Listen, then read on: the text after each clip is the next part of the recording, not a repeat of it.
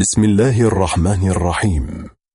نرفع آيات العزاء لمقام صاحب العصر وولي الأمر عجل الله فرجه الشريف في مصاب جده الإمام الحسين عليه السلام. ماذا قدم الإمام علي عليه السلام من عطاء للمجتمع الإنساني؟ نقدم لكم محاضرة سماحة الحجة السيد منير الخباز دام عطاؤه في الليلة السادسة. من شهر محرم الحرام لعام 1442 للهجرة النبوية بعنوان المذهب الاقتصادي في العهد العلوي وذلك في حسينية السنان بالقطيف. صلى الله وسلم عليك يا رسول الله وعلى أهل بيتك. المنتجبين يا ليتنا كنا معكم. فنفوز فوزا عظيما. أعوذ بالله من الشيطان الغوي الرجيم. بسم الله الرحمن الرحيم. هو أنشأكم من الأرض واستعمركم فيها. آمنا بالله صدق الله العلي العظيم.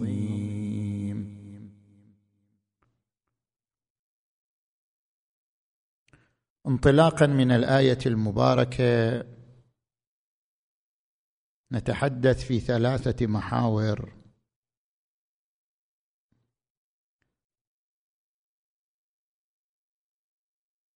المحور الأول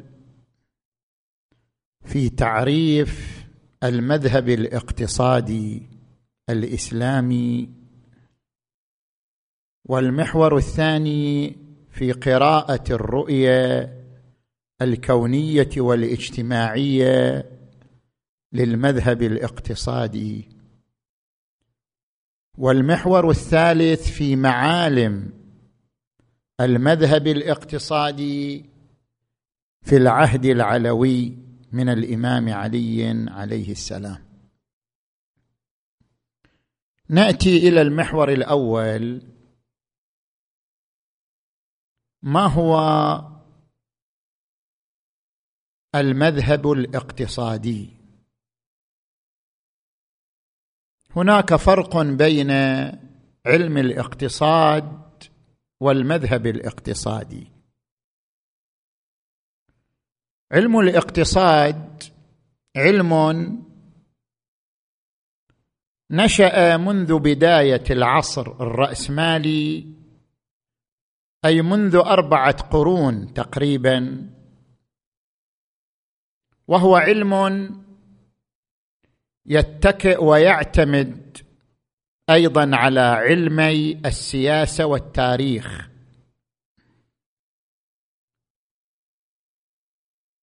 علم الاقتصاد هو العلم الذي يتناول تفسير الحياة الاقتصادية وظواهرها وربطها بالعوامل المتحكمة فيها.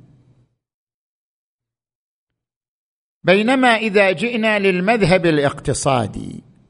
المذهب الاقتصادي هو المنهج الذي يتخذه كل مجتمع لتنظيم حياته الاقتصادية ولحل المشكلات العملية.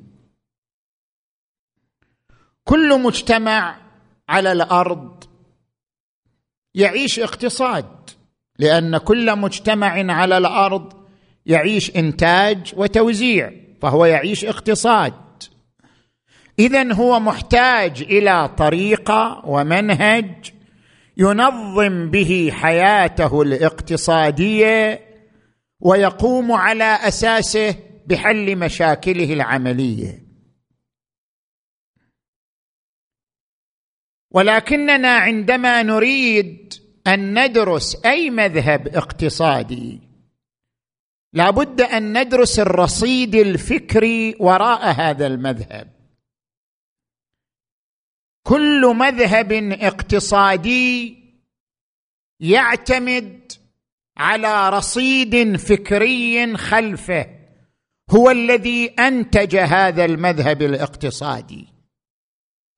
قد يكون هذا الرصيد الفكري تاريخيا قد يكون فلسفيا قد يكون قيميا بالنتيجة وراء المذهب الاقتصادي رصيد فكري أنتجه وأمده. نحن عندما نريد أن نقارن بين المذهب الاقتصادي الرأسمالي والمذهب الاقتصادي الإسلامي المذهب الاقتصادي الرأسمالي يتيح للإنسان الفائدة الربوية من حق الإنسان أن ينمي أمواله عن طريق الفائدة الربوية. بينما المذهب الاقتصادي الإسلامي يمنع التنمية عبر الفائدة لأن هناك اختلاف بين الرصيدين الفكريين لكل من المذهبين المذهب الاقتصادي الرأسمالي ما هو رصيده الفكري؟ هو يرى أن المركزية والمحورية في الحياة الاجتماعية للإنسان بما أن المركزية للإنسان والمحورية للإنسان اذا باب الحرية مفتوح للإنسان. ومن حرية الإنسان حريته في تنمية ثرواته فبإمكانه أن ينمي ثرواته عبر الفائدة الربوية. هذا من من متفرعات حريته وحريته مما يتفرع على محوريته ومركزيته. هو حر في ثروته. بينما المذهب الاقتصادي الإسلامي لأنه لا يرى المحورية للإنسان. المحورية في الحياة لخالق الإنسان والإنسان مجرد خليفة ونائب. إني جاعل في الأرض خليفة والخليفة يسير على ضوء قوانين المستخلف. ومن قوانين المستخلف أحل الله البيع وحرم الربا أن الثروة لا تقتنص إلا بعمل. هذا قانون قانون في المذهب الاقتصادي الإسلامي. هذا القانون ناشئ عن نفس الرؤية. لا يمكن تحصيل الثروة إلا بعمل. يا عمل مباشر يا عمل مختزن. يعني مثلا تجي انت تستأجر سائق للسيارة.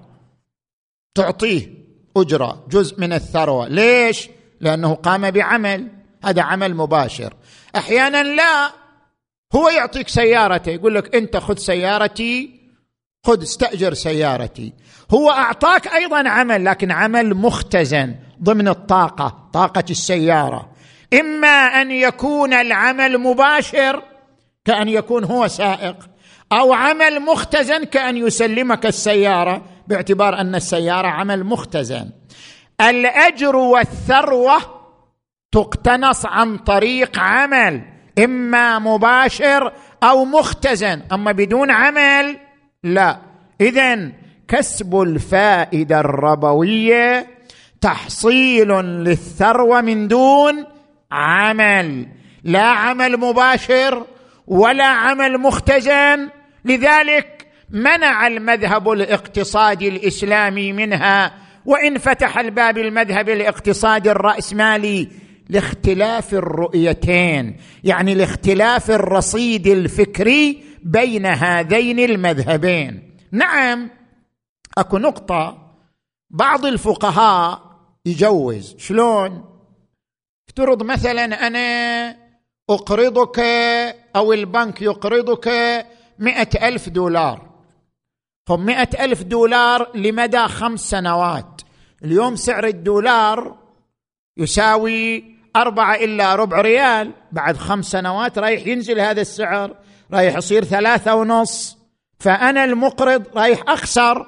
أنت رايح ترجع لي مئة ألف دولار بس سترجع لي دولارا بقيمة أقل من قيمته حين أقرضتك حين أعطيتك.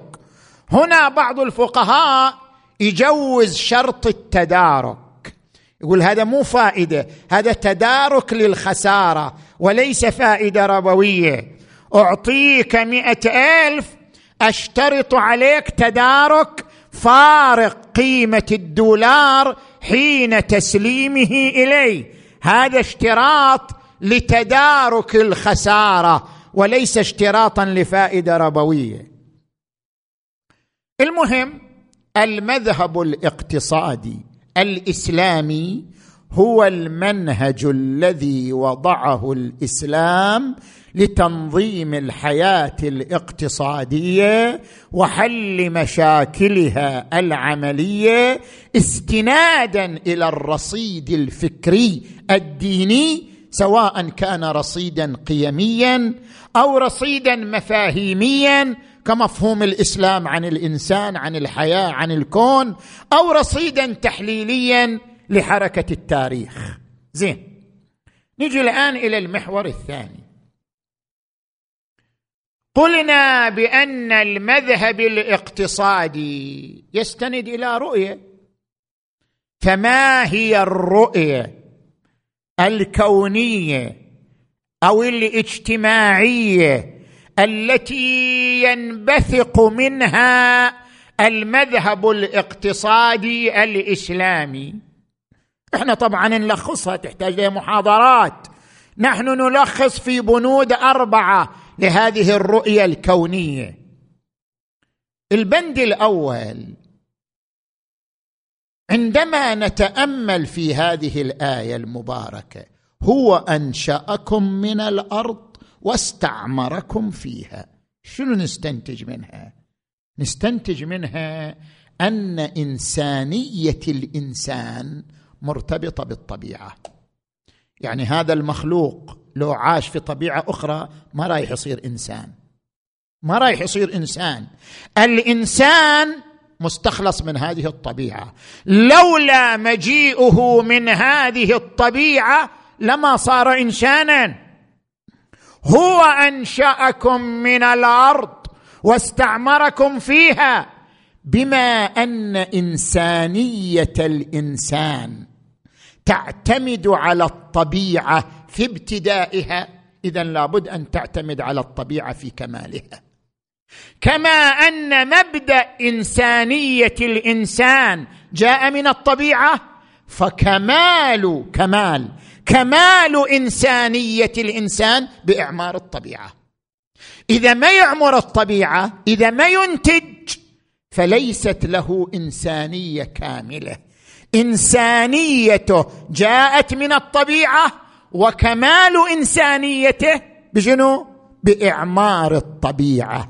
هو أنشأكم من الأرض واستعمركم فيها بدون إنتاج. ما يعتبر إنسان متكامل؟ قيمة كل امرئ ما يحسنه زين. هذا البند الأول. البند الثاني طيب هذا الإنسان كيف يعمر الطبيعة؟ لا يمكن أن يعمر الإنسان الطبيعة بدون نظام. يحتاج إلى نظام. يحفظ استقرار الحياة الاجتماعية. لولا استقرار الحياة الاجتماعية ووجود حاضنة آمنة ما استطاع الإنسان أن ينتج ما استطاع الإنسان أن يعمر الأرض.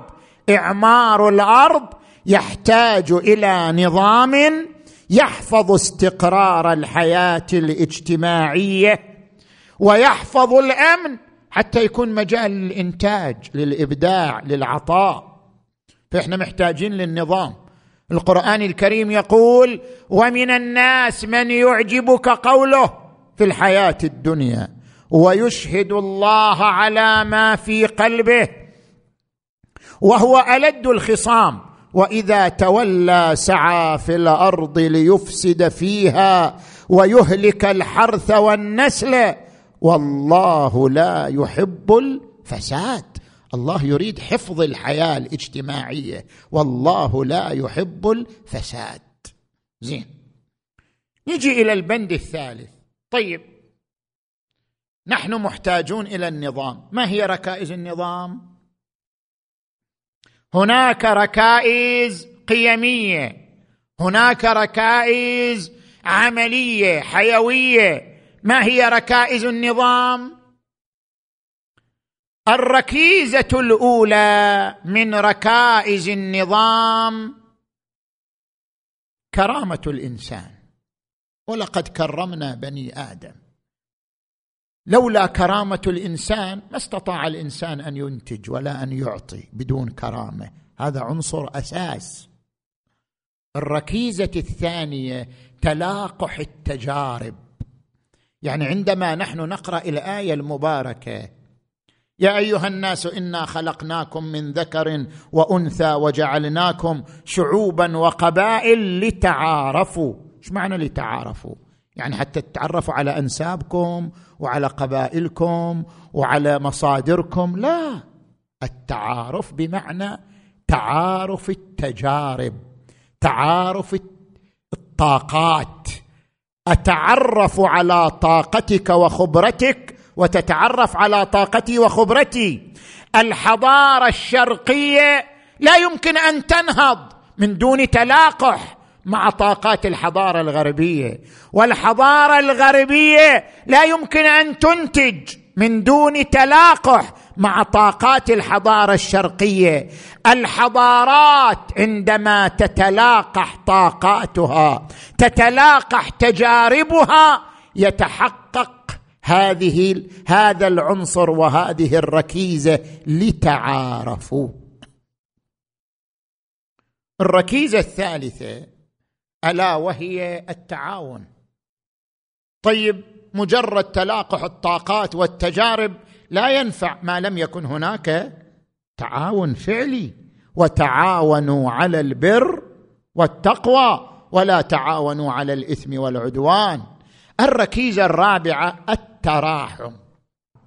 الحضارة الإسلامية تختلف عن الحضارات الأخرى في أن من أسسها التراحم. ما معنى التراحم؟ شوف هناك بعض الباحثين اللغويين يقول هناك علاقة وثيقة بين عنوان الأرحام وعنوان الرحمة.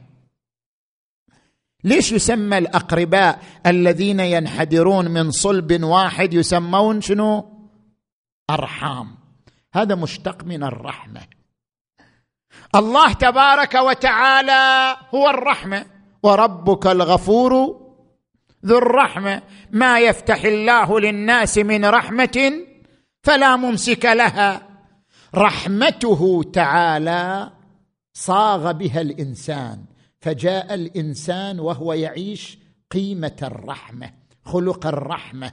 وإنه لحب الخير لشديد.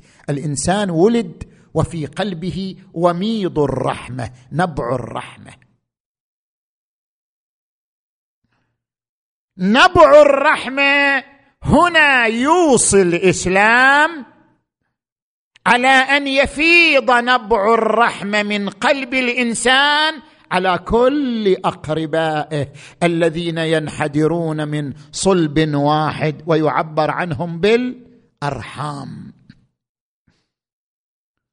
الرحمة تعاطف البشر إنقاذ بعضهم لبعض دفاع بعضهم عن بعض. هذا أساس من أسس الحضارة الإسلامية.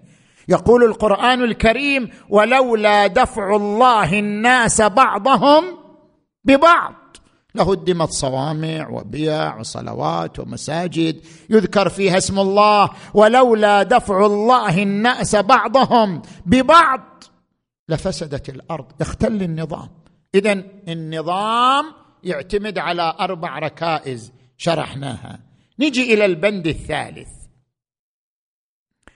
قاعدة النظام الذي يحفظ الاستقرار ويوفر الأمن هي العدالة. العدالة تعني نوعين من القوانين قوانين ثابتة وقوانين متحركة. القوانين الثابتة التي لا تتغير بتغير الظروف. من أحيا أرضا مواتا فهي له. قانون ثابت. القوانين المتحركة هي القوانين المواكبة للظروف المتغيرة. القوانين المواكبة للظروف المتغيرة تسمى بقوانين متحركة. هي أيضا تنطلق من قاعدة العدالة. يعني مثلا أضرب لك مثال كثير من الناس ما يلتفتوا إليه. أنت عندما تريد تبيع ذهب مثلا أنت اشتريت هذا ال... هذه القطعة من الذهب مثلا بعشرة آلاف ريال. بعدك ما تستلمها. اشتريتها بعشرة آلاف تريد تبيعها قبل ما تستلمها. بيعها قبل استلامها. انت اشتريت قلادة معينة نقصد القلادة المعينة. قلادة معينة وزنتها ثم اشتريتها بس انت ما استلمتها بعتها. واحد واقف قلت له أبيعك هذه القلادة ب 12000 ما يجوز شرعا. لا يجوز بيع الموزون. يعني ما يباع بالوزن. لا يجوز بيع الموزون أو المكيل بربح قبل قبضه. تبيعها بنفس القيمة ماكو مشكلة بس تريد تبيعها بربح قبل قبضه ما يجوز. هذه قوانين متحركة. يعني اليوم الذهب موزون باكر الذهب ما يصير موزون يباع بشخصه مثلا. هذه تسمى قوانين متحركة. القوانين المتحركة هي القوانين المواكبة للظروف المتغيرة. اذا هذه بنود أربع للرؤية الكونية والاجتماعية التي ذكرناها. نجي إلى المحور الثالث وهو المهم. معالم المذهب الاقتصادي الإسلامي في العهد العلوي عهد الإمام علي لمالك الأشتر. نحن نفخر فعلا بهذا العهد. ليش؟ لأن من تجي إلى المنصفين من الباحثين منهم الإمام محمد عبد المصري وغيره. لا توجد عندنا إلى الآن لا توجد عندنا وثيقة تعرض لنا رؤية اقتصادية إسلامية متكاملة إلا العهد العلوي. القرآن فيه آيات متفرقة. أحاديث النبي له أحاديث متفرقة حسب الأزمنة والظروف. أما وثيقة تعكس رؤية اقتصادية متكاملة تعكس المذهب الاقتصادي الإسلامي ما عندنا وثيقة إلا هذا العهد. عهد الإمام علي عليه السلام لمالك الأشتر. لذلك عده من الباحثين سلطوا الضوء على هذا العهد. منهم السيد الشهيد السعيد السيد محمد باقر الصدر في كتابه اقتصادنا منهم الدكتور طالب فارس في بحثه حول ملامح الاقتصاد في العهد في عهد الإمام علي لمالك الأشتر. عدة باحثين ركزوا على هذا العهد. زين. نحن الآن نذكر مجموعة من معالم المذهب الاقتصادي الإسلامي في العهد العلوي. المعلم الأول المنطلقات.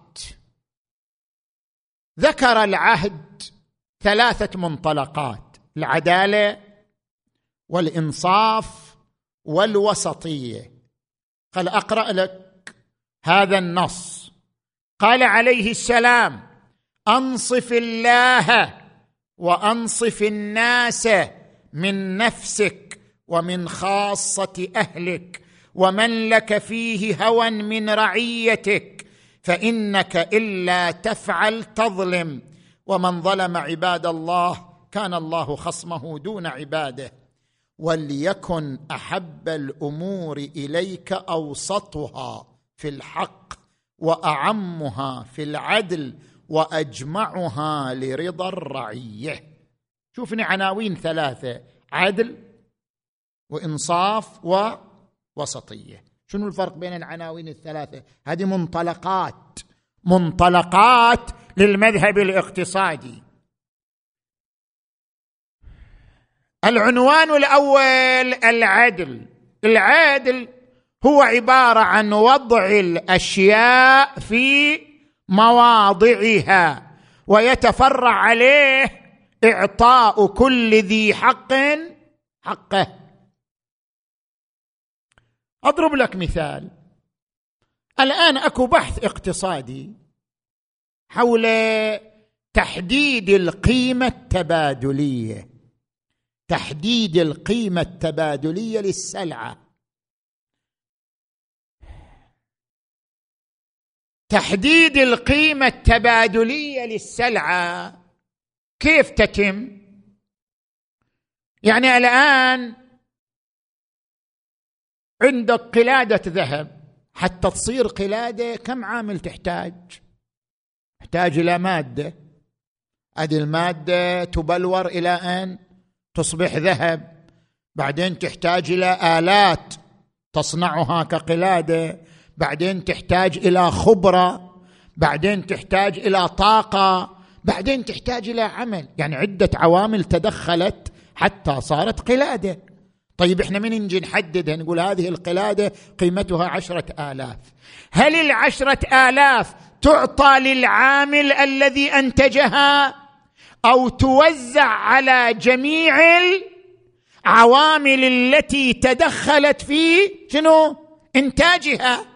من العوامل المادة من العوامل الآلة التي صنعتها من العوامل الخبرة التي ملكها العامل المنتج. من العوامل نفس الجهد الذي بذله المنتج. هل توزع القيمة التبادلية للسلعة على العوامل المتنوعة أم تعطى جاهزة للعامل المنتج؟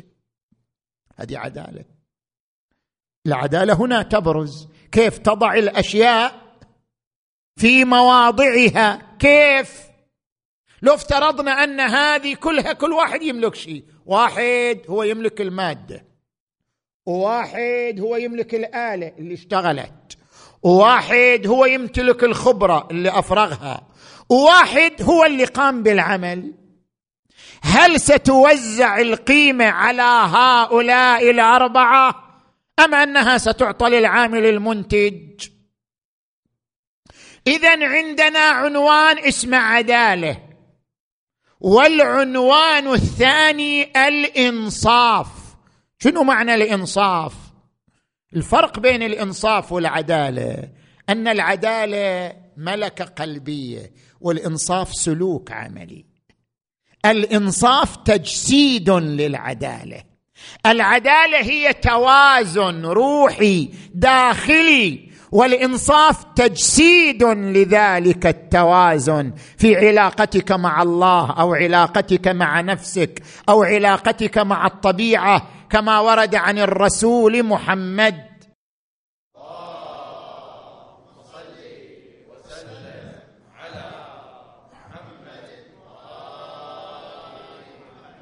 إن لربك عليك حق ولجسمك عليك حق ولأهلك عليك حق فأعط كل ذي حق حقه. أما الوسطية فهي عبارة عن القوانين المتحركة. قلنا في قوانين ثابتة في قوانين متحركة. الوسطية هي عبارة عن القوانين المتحركة المنطلقة من قاعدة العدالة المواكبه للظروف المتغيرة. وذكرنا أمثلة سابقا إلى القانون المتحرك. زين نجي الآن إلى المعلم الثاني. المعلم الثاني هو المفردات المدونة في العهد العلوي التي تعكس بمجموعها صورة المذهب الاقتصادي. إحنا نقتصر على مفردتين. المفردة الأولى التجارة. لاحظ النص الوارد عن الإمام علي عليه السلام. ثم استوصي بالتجار وذوي الصناعات واوص بهم خيرا. المقيم منهم والمضطرب بماله. والمترفق ببدنه فإنهم مواد المنافع وأسباب المرافق وجلابها من المباعد والمطارح. ماذا يعني لنا هذا النص؟ شنو الفرق بين الإنتاج والتداول؟ الإنتاج هو تطوير المادة الخام بصورة تلبي حاجة المستهلك. تصنع من الحديد سيارة تصنع من البلاستيك جهاز معين. تطوير المادة بصورة تخدم حاجة المستهلك هذا إنتاج. أما التداول فهو نقل نقل السلعة من المنتج إلى المستهلك. إما نقل إيه، عمودي كأن يخرجها من الأرض أو نقل أفقي كان يطرحها في السوق يعرض السلعة. زين؟ فاكو فرق بين التداول والإنتاج. التجارة وين ندخلها؟ في الإنتاج أو في التداول؟ بحسب المذاهب الاقتصادية الأخرى التجارة ليست إنتاج. التجارة التاجر وسيط يلعب دور الوسيط بين المنتج والمستهلك. التجارة ليست إنتاج. في المذهب الاقتصادي العلوي التجارة إنتاج. سيد الصدر يقول هذا التعبير مواد المنافع فإنهم مواد المنافع. التجارة مادة مادة للإنتاج. كيف تكون التجارة مادة للإنتاج؟ يقول لك هذا المجموع. التاجر بس يحمل البضاعة ويدخلها السوق.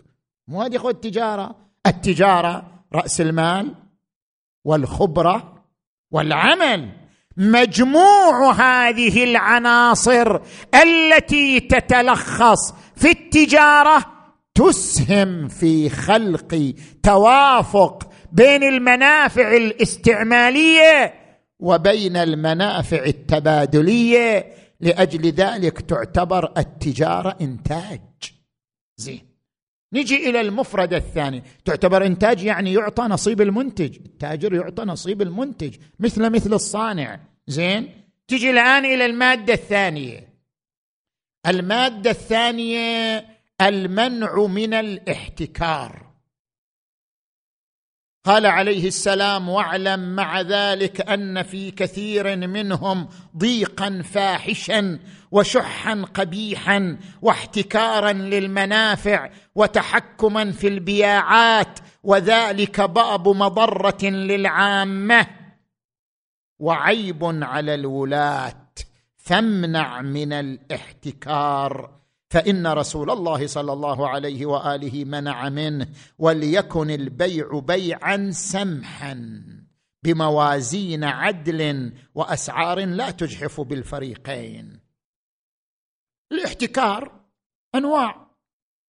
احتكار في الثروة من بيده الثروة يحتكرها على الشركات الإنتاج فلا يسلمها إياهم إلا بأسعار مجحفة. وبالطبيعي شركات الإنتاج إذا استلمت المادة بأسعار مجحفة سوف ترفع من قيمة السلعة. يعني الانحراف في مسار إيه، المسار الأول سوف ينعكس على الانحراف في المسار الثاني. أو لا السلعة موجودة في السوق لكن تصطنع. ندرة لها يسموها ندرة مصطنعة. تصطنع الندرة حتى يصير الطلب أكثر من العرض فترتفع قيمتها. هذا أيضا احتكار للسلعة أو احتكار للنقد جمع النقد في مؤسسة معينة حتى ترتفع قيمة الفائدة فائدة القروض. هذا احتكار. الاحتكار بصوره ممنوع. باب مضرة للعامة. لماذا قانون منع الاحتكار؟ باعتبار أن في قانون منع منع الاحتكار حفاظا على سلامة شكل شكل المذهب الاقتصادي في توازنه بين الإنتاج والتوزيع. زين. هذا المعلم الثاني. نجي إلى المعلم الثالث. المعلم الثالث دور السلطة السلطة التشريعية والسلطة التنفيذية. دور السلطة في المذهب الاقتصادي الإسلامي. هنا عدة بنود تعرض لها الإمام عليه السلام في العهد العلوي لشرح دور السلطة في تجسيد هذا المذهب الاقتصادي الإسلامي. نجي إلى البند الأول. إدارة الموارد الطبيعية والمالية بتوازن. هذا النص الذهبي عن الإمام أمير المؤمنين علي عليه السلام. هذا ما أمر به عبد الله علي بن أبي طالب أمير المؤمنين. مالك بن الحارث الأشتر في عهده إليه حين ولاه مصر. شنو وصى شوف. جباية خراجها وجهاد عدوها واستصلاح أهلها وعمارة بلادها. أربعة عناصر يقوم عليها الاقتصاد. الإنتاج عمارة بلادها. توفير الأيدي استصلاح أهلها. يعني وفر أيدي عاملة منتجة وسيطة استصلاح أهلها. حماية الثروات والحقوق وجهاد عدوها.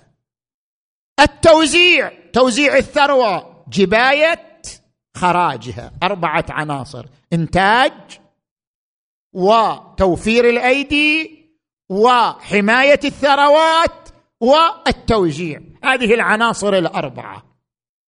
هذه العناصر الأربعة الإمام يعرضها في عرض واحد. يريد أن يقول لا بد من إدارة هذه العناصر الأربعة بتوازن بحيث لا يطغى الإنتاج على التوزيع. ما يكون الإنتاج على حساب التوزيع بل لا بد من التوازن بينهما. هل أضرب لك مثال؟ هذا ذكرناه في الليالي السابقة. إنسان الآن عندك من أحيا أرضا مواتا فهي له. طيب هذا إنتاج. واحد يروح يقول أنا أحيي مئة كيلو متر أحيي مليون كيلو متر هذا على حساب التوزيع. لأنك هنا انتجت أكثر من حاجتك على حساب نصيب غيرك من الثروة المنتجه إنتاج على حساب التوزيع. لا بد أن يكون هناك توازن بين الإنتاج والتوزيع. زين. نجي الآن إلى البند الثاني. قبل أن أنتقل إلى البند الثاني أشير هنا إلى نقطة. عندما يقول الإمام أمير المؤمنين علي عليه السلام واستصلاح أهلها. يعني توفير الأيادي الصالحة. كيف توفير الأيادي الصالحة؟ بإعدادها وتأهيلها ورعايتها حتى تكون أيادي صالحة للعمل. ما قال الإمام؟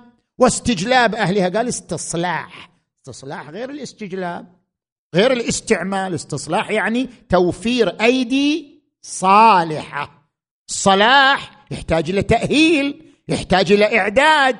اذا دور الدولة هو استصلاح بمعنى توفير أيدي مع إعداد مع تأهيل لأن تكون أيدي منتجة. هنا أشير إلى نقطة. جائحة كورونا ماذا صنعت؟ جائحة كورونا كما تقول التقارير أسرعت بالتحول الرقمي. شنو يعني أسرعت بالتحول الرقمي؟ إحنا كنا بنصير بنوصل إلى هذا التحول الرقمي بعد خمس سنين بعد سبع سنين بنصير بس هي أسرعت به.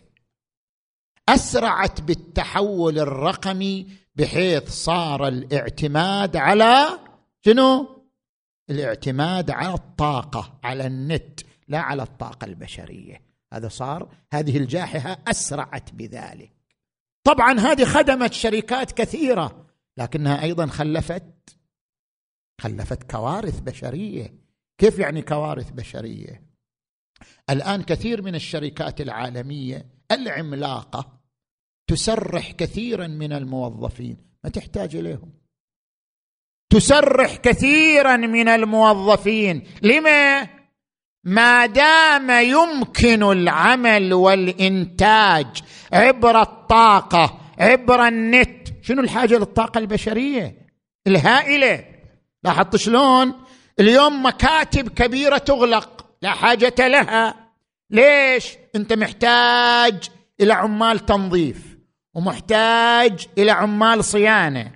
ومحتاج إلى عمال تعقيم ومحتاج إلى عمال مواصلات وكل هؤلاء يحتاجون إلى أجور ويحتاجون إلى رعاية وهذا يستدعي نفقة ومصروفا كبيرا يثقل كاهل الشركة. بينما إذا اعتمدت الشركة على الآلة اعتمدت الشركة على الطاقة في التعقيم والتنظيف والتأهيل. بعد ما تحتاج إلى هذه الطاقة البشرية.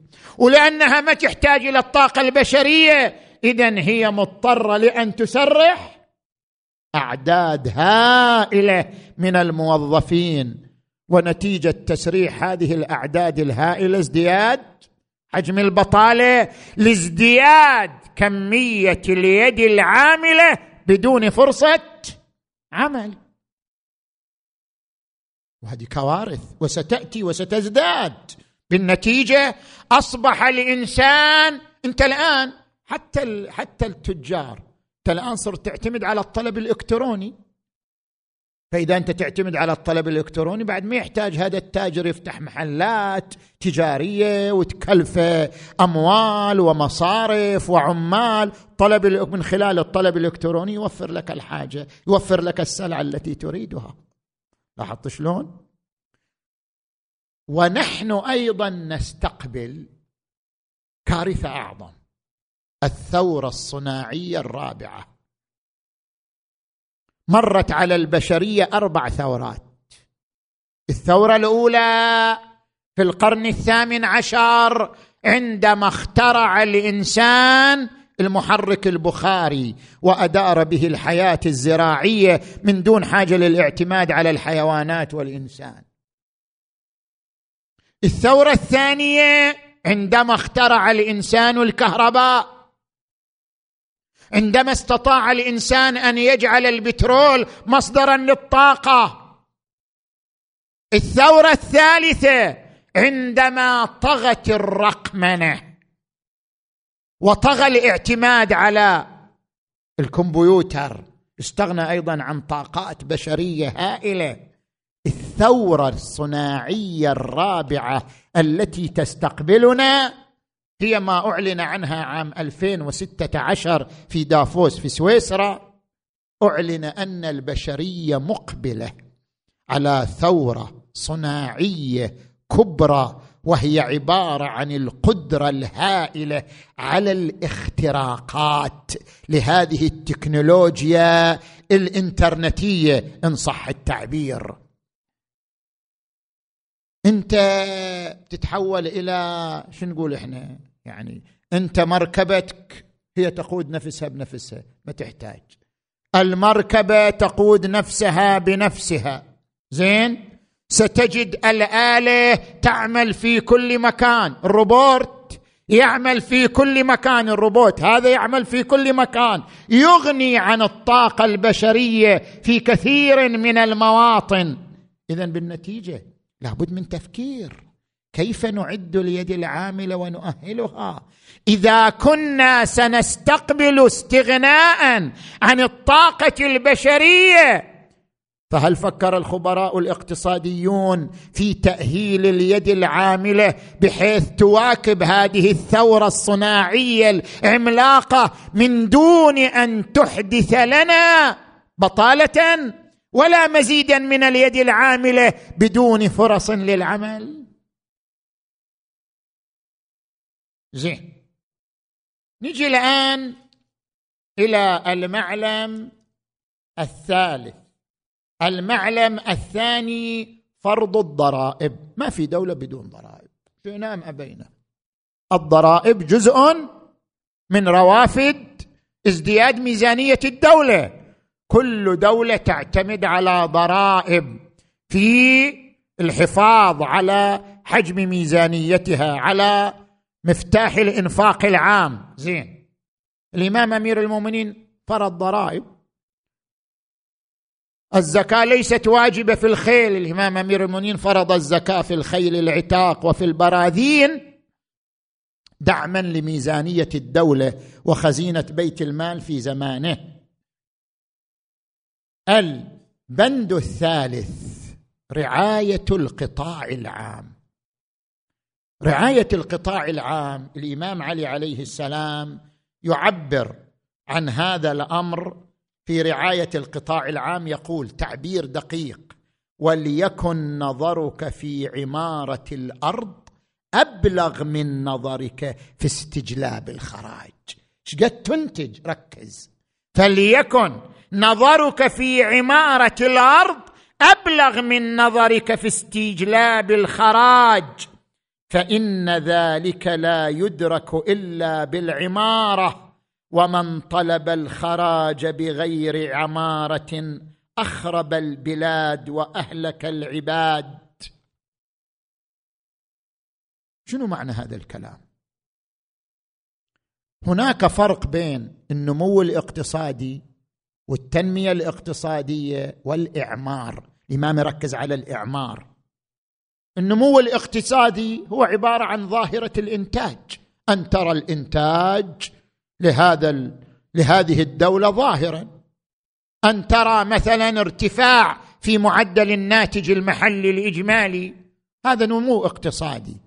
وعندنا تنمية اقتصادية. التنميه الاقتصادية هي عبارة عن إجراءات يتخذها صناع القرار عبر خطط تطويرية تسهم في ارتفاع مستوى المعيشة وتحدث تغيرات كمية أو نوعية في رأس المال البشري في التنافس الإقليمي في مجال الصحة والتعليم والآمن. هذا يسمى تنمية اقتصادية. وعندنا إعمار. وليكن نظرك في عمارة الخراج. الإعمار هو العلاقة الوطيدة بين حجم الإنتاج وحجم ميزانية الدولة حجم الخزينة الذي يقوم عليه الإنفاق العام. هنا الإمام يركز على رعاية القطاع العام.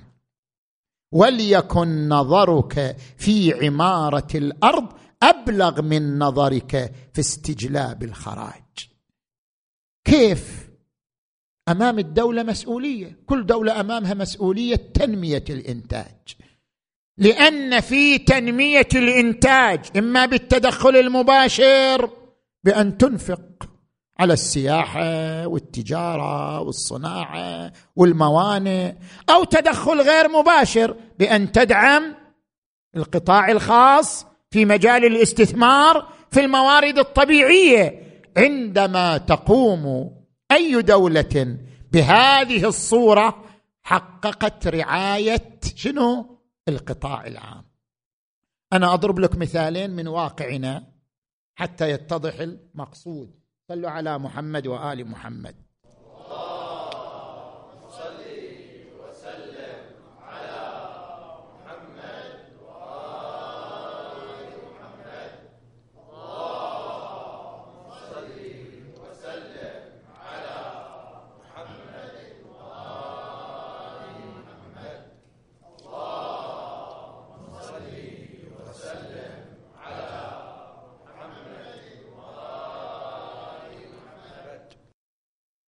الإمام علي عليه السلام عندما يقول وليكن نظرك في عمارة الخراج أبلغ من نظرك في استجلاب وليكن نظرك في عمارة الأرض أبلغ من نظرك في استجلاب الخراج. ياسس قاعدة عامة. بس هذه القاعدة العامة ما تعني أنها تنطبق على كل الظروف تنطبق على كل بلد تنطبق على كل مجتمع. ليش؟ الآن في الأزمات الاقتصادية الخانقة مثل مثل انخفاض سعر البترول أزمة اقتصادية. هنا خبراء الاقتصاديون يدرسون هل أن الأولوية لخفض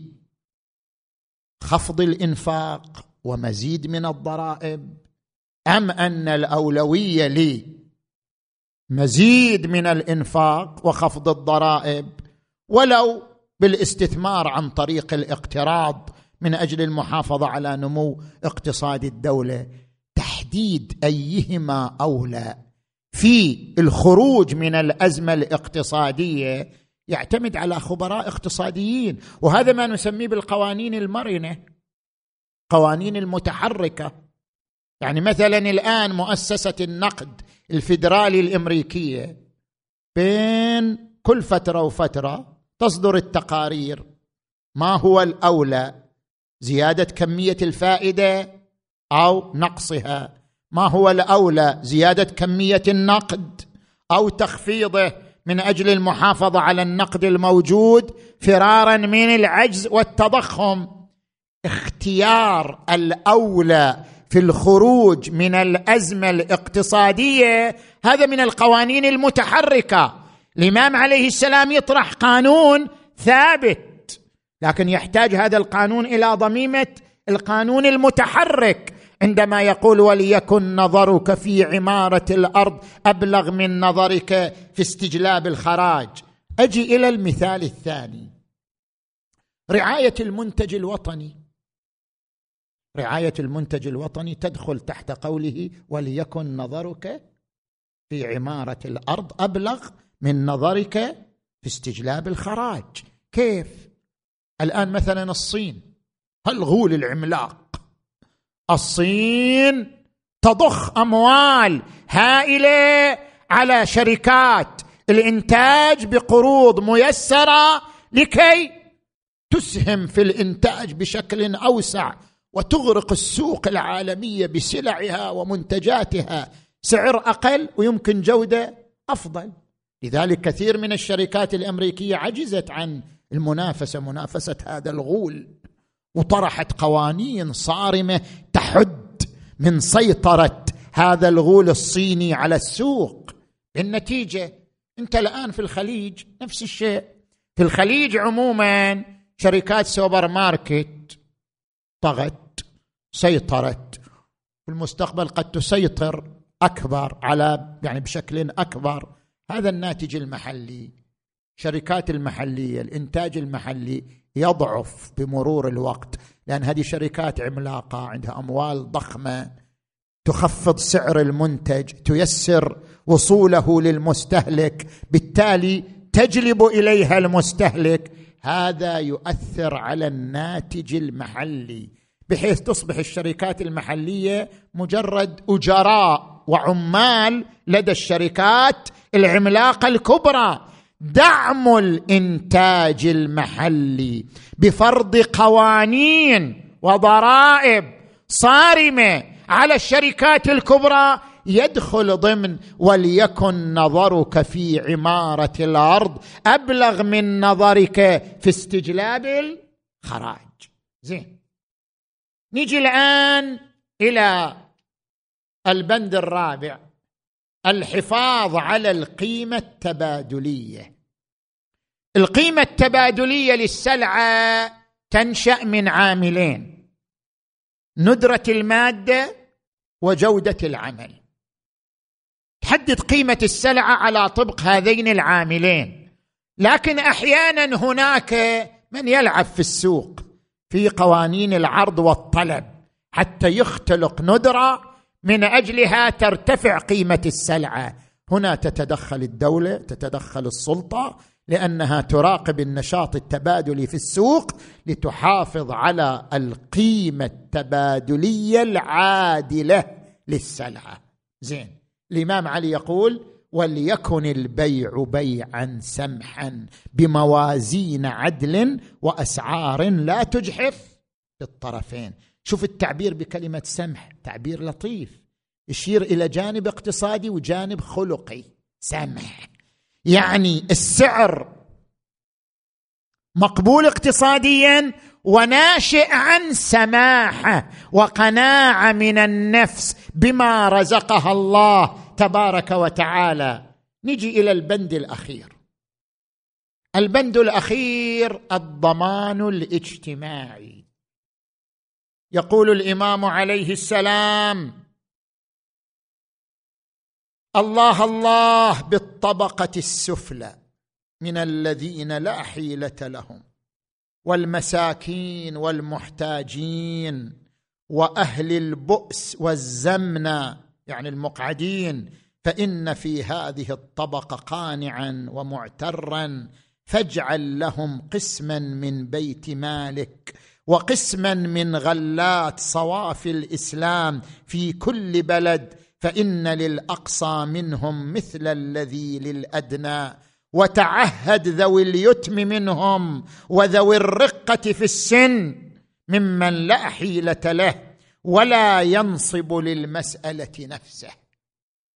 الضمان الاجتماعي كل دولة عندها ضمان اجتماعي بمقدار قوة اقتصادها.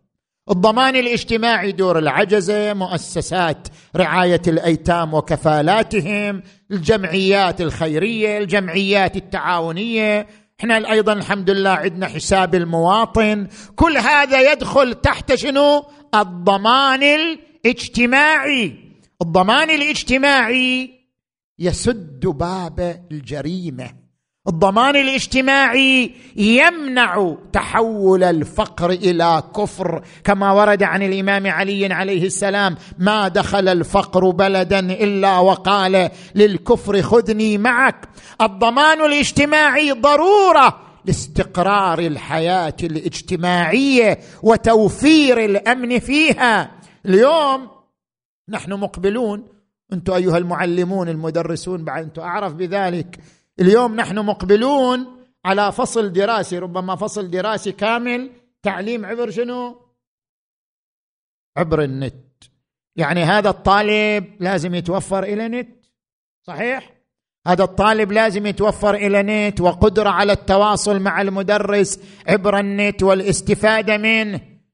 كما نوفر عبر الضمان الاجتماعي ثياب وأغذية وأدوية أيضا نوفر عبر الضمان الاجتماعي لهؤلاء الفقراء والمحتاجين وسائل التواصل عبر النت كي يستطيعوا من خلاله التواصل مع دروسهم مع أساتذتهم مواصلة تعليمهم. كل ذلك يدخل ضمن شنو؟ ضمن الضمان الاجتماعي. اذا علي بن أبي طالب عكس لنا صورة إنسانية حيوية من خلال هذه المبادئ التي سجلها في عهده العلوي المبارك لمالك الأشتر. من هنا عشق الكثيرون عليا وأعجب الكثيرون بشخصية علي. وعبقرية علي عليه السلام وتفانى الكثيرون في خدمته خصوصا معاصريه أفنوا ما عندهم في سبيله ضحوا بالنفس والنفيس في سبيل الدفاع عن مبادئ علي وقيم علي. ميثم التمار رشيد الهجري أبو ذر الغفاري كلهم راحوا ضحايا. ذهبوا انتصارا لعلي ومبادئ علي ومن هذه الكوكبة العملاقة حبيب بن مظاهر الأسدي. كان من أصحاب الإمام أمير المؤمنين. خاض مع الإمام بعض حروبه. وعده الإمام بالشهادة. ثم انتهت الحروب فلم يحصل عليها. قال سيدي وعدتني بالشهادة ولم أنلها. قال ستحصل على الشهادة بين يدي رجل. الشهادة بين يديه أفضل من الشهادة بين يدي. قال الله أكبر من هذا؟ الشهادة بين يديه أفضل من الشهادة بين يديك. قال هو حبيبي أبو عبد الله الحسين. ظل حبيب يترقب ذلك اليوم. الذي ينصر فيه الحسين يستشهد بين يدي الحسين. يقول بعض المؤرخين زوجته أم القاسم جالسه معه فقالت له يا حبيب لقد رأيت في المنام رؤيا. قال ماذا رأيت يا أم القاسم؟ قالت رأيت مجموعة من النساء في مقدمتهن امرأة معصبة الرأس حزينة كئيبة كأنها صاحبة عزاء صاحبة مصيبة. قلت من هذه المرأة؟ قالوا هذه فاطمة الزهراء. هذه فاطمة بنت محمد.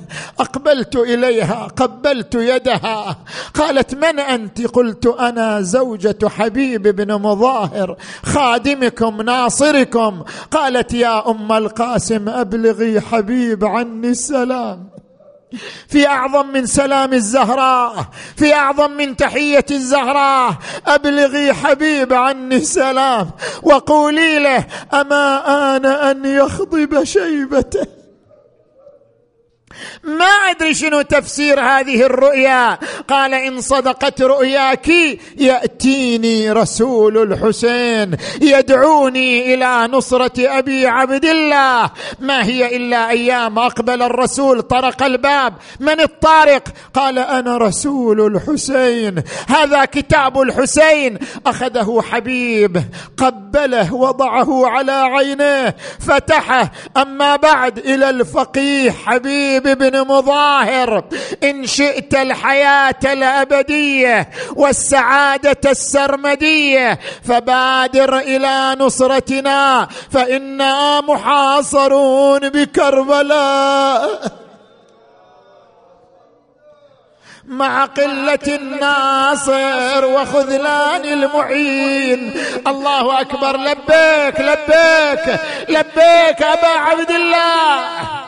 قال حبيب لخادمه خذ الفرس واخرج إلى خارج الكوفة وانتظرني فإذا أتيتك فاذهب. انتظر الخادم أبطأ حبيب. وإذا بالخادم ينظر إلى الجواد ويقول أيها الجواد لئن لم يأت سيدي حبيب لأعلون ظهرك وأذهبن إلى نصرة الغريب أبي عبد الله. سمع حبيب كلامه. قال الله أكبر يا أبا عبد الله. حتى العبيد يتمنون نصرتك وأجلاف اميه مصرون على قتالك. وصل صعد على فرسه قال لعبده اذهب أنت حر لوجه الله. وإذا بالعبد يبكي ويقول سيدي خذني معك. ماذا تريد؟ قال أريد أن يختلط دمي بدم الطاهرين بدم الحسين وآل الحسين. وحسيناه وإماماه أردفه معه أقبل إلى كربلاء. ما حلا ذيك الشمايل يوم طب الكربل. طلع عباس البطل وأولاد أخوه يستقبل. مرحبا يقل الشهيد زينب تقل. وصل مستبشر لأبو سكنة وتناول رايته. جاه من زينب سلام ومدمع بالحال سال. وقبل يسلم على الحورة وعلى ذيك العيال. صاح يا وسفة يا زينب تركبين على الجمال. حيته بأحسن تحية وسر قلبها بنخوته وقف على باب العقيلة زينب. نادى السلام عليكم. مخدرات علي وفاطمة. ردت عليه السلام. من أنت؟ قال أنا خادمكم حبيب بن مظاهر. هل من وصية سيدتي؟ قالت أوصيك بوصية أمي فاطمة الزهراء. ما هي الوصية سيدتي؟ أوصيك أوصيك بنصرة هذا الغريب بنصرة الوحيد أبي عبد الله. لبيك سيدتي لأقرن عينيك. جمع الأنصار ألبسهم سيوفهم دروعهم. بادروا للنصر بين يدي الحسين. تفانوا بين يدي الحسين. وقف أمام الحسين. والله يا بن بنت النبي لا قطعاني بالسيف والخطي وبالنار احرقه وذرة وعظامي في الهوى وتالي نشره. سبعين مرة هالفعل يجري علي. والله يا أبو السجاد ما فارق جمالك روحي ومالي والأهل كلهم فدالك. أرواحنا تطلع ولا تهتك عيالك.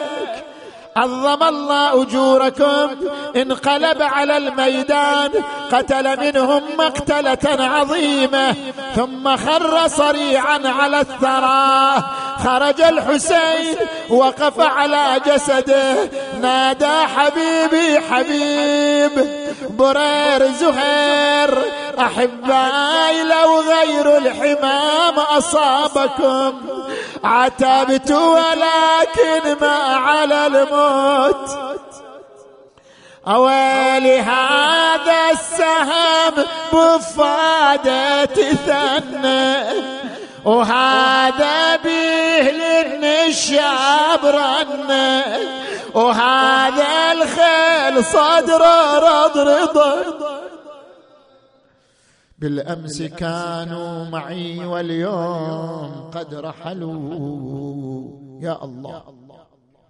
اللهم بحق أنصار الحسين تقبل أعمالنا. اغفر ذنوبنا واستر عيوبنا. اشف مرضانا ومرضى المؤمنين والمؤمنات. اقض حوائجنا وحوائجهم. اللهم عجل لوليك وابن أوليائك الفرج. واجعلنا من أنصاره وأعوانه. وارحم أمواتنا وأموات المؤسسين وأموات المؤمنين والمؤمنات. وإلى أرواح الجميع ثواب الفاتحة. تسبقها الصلاه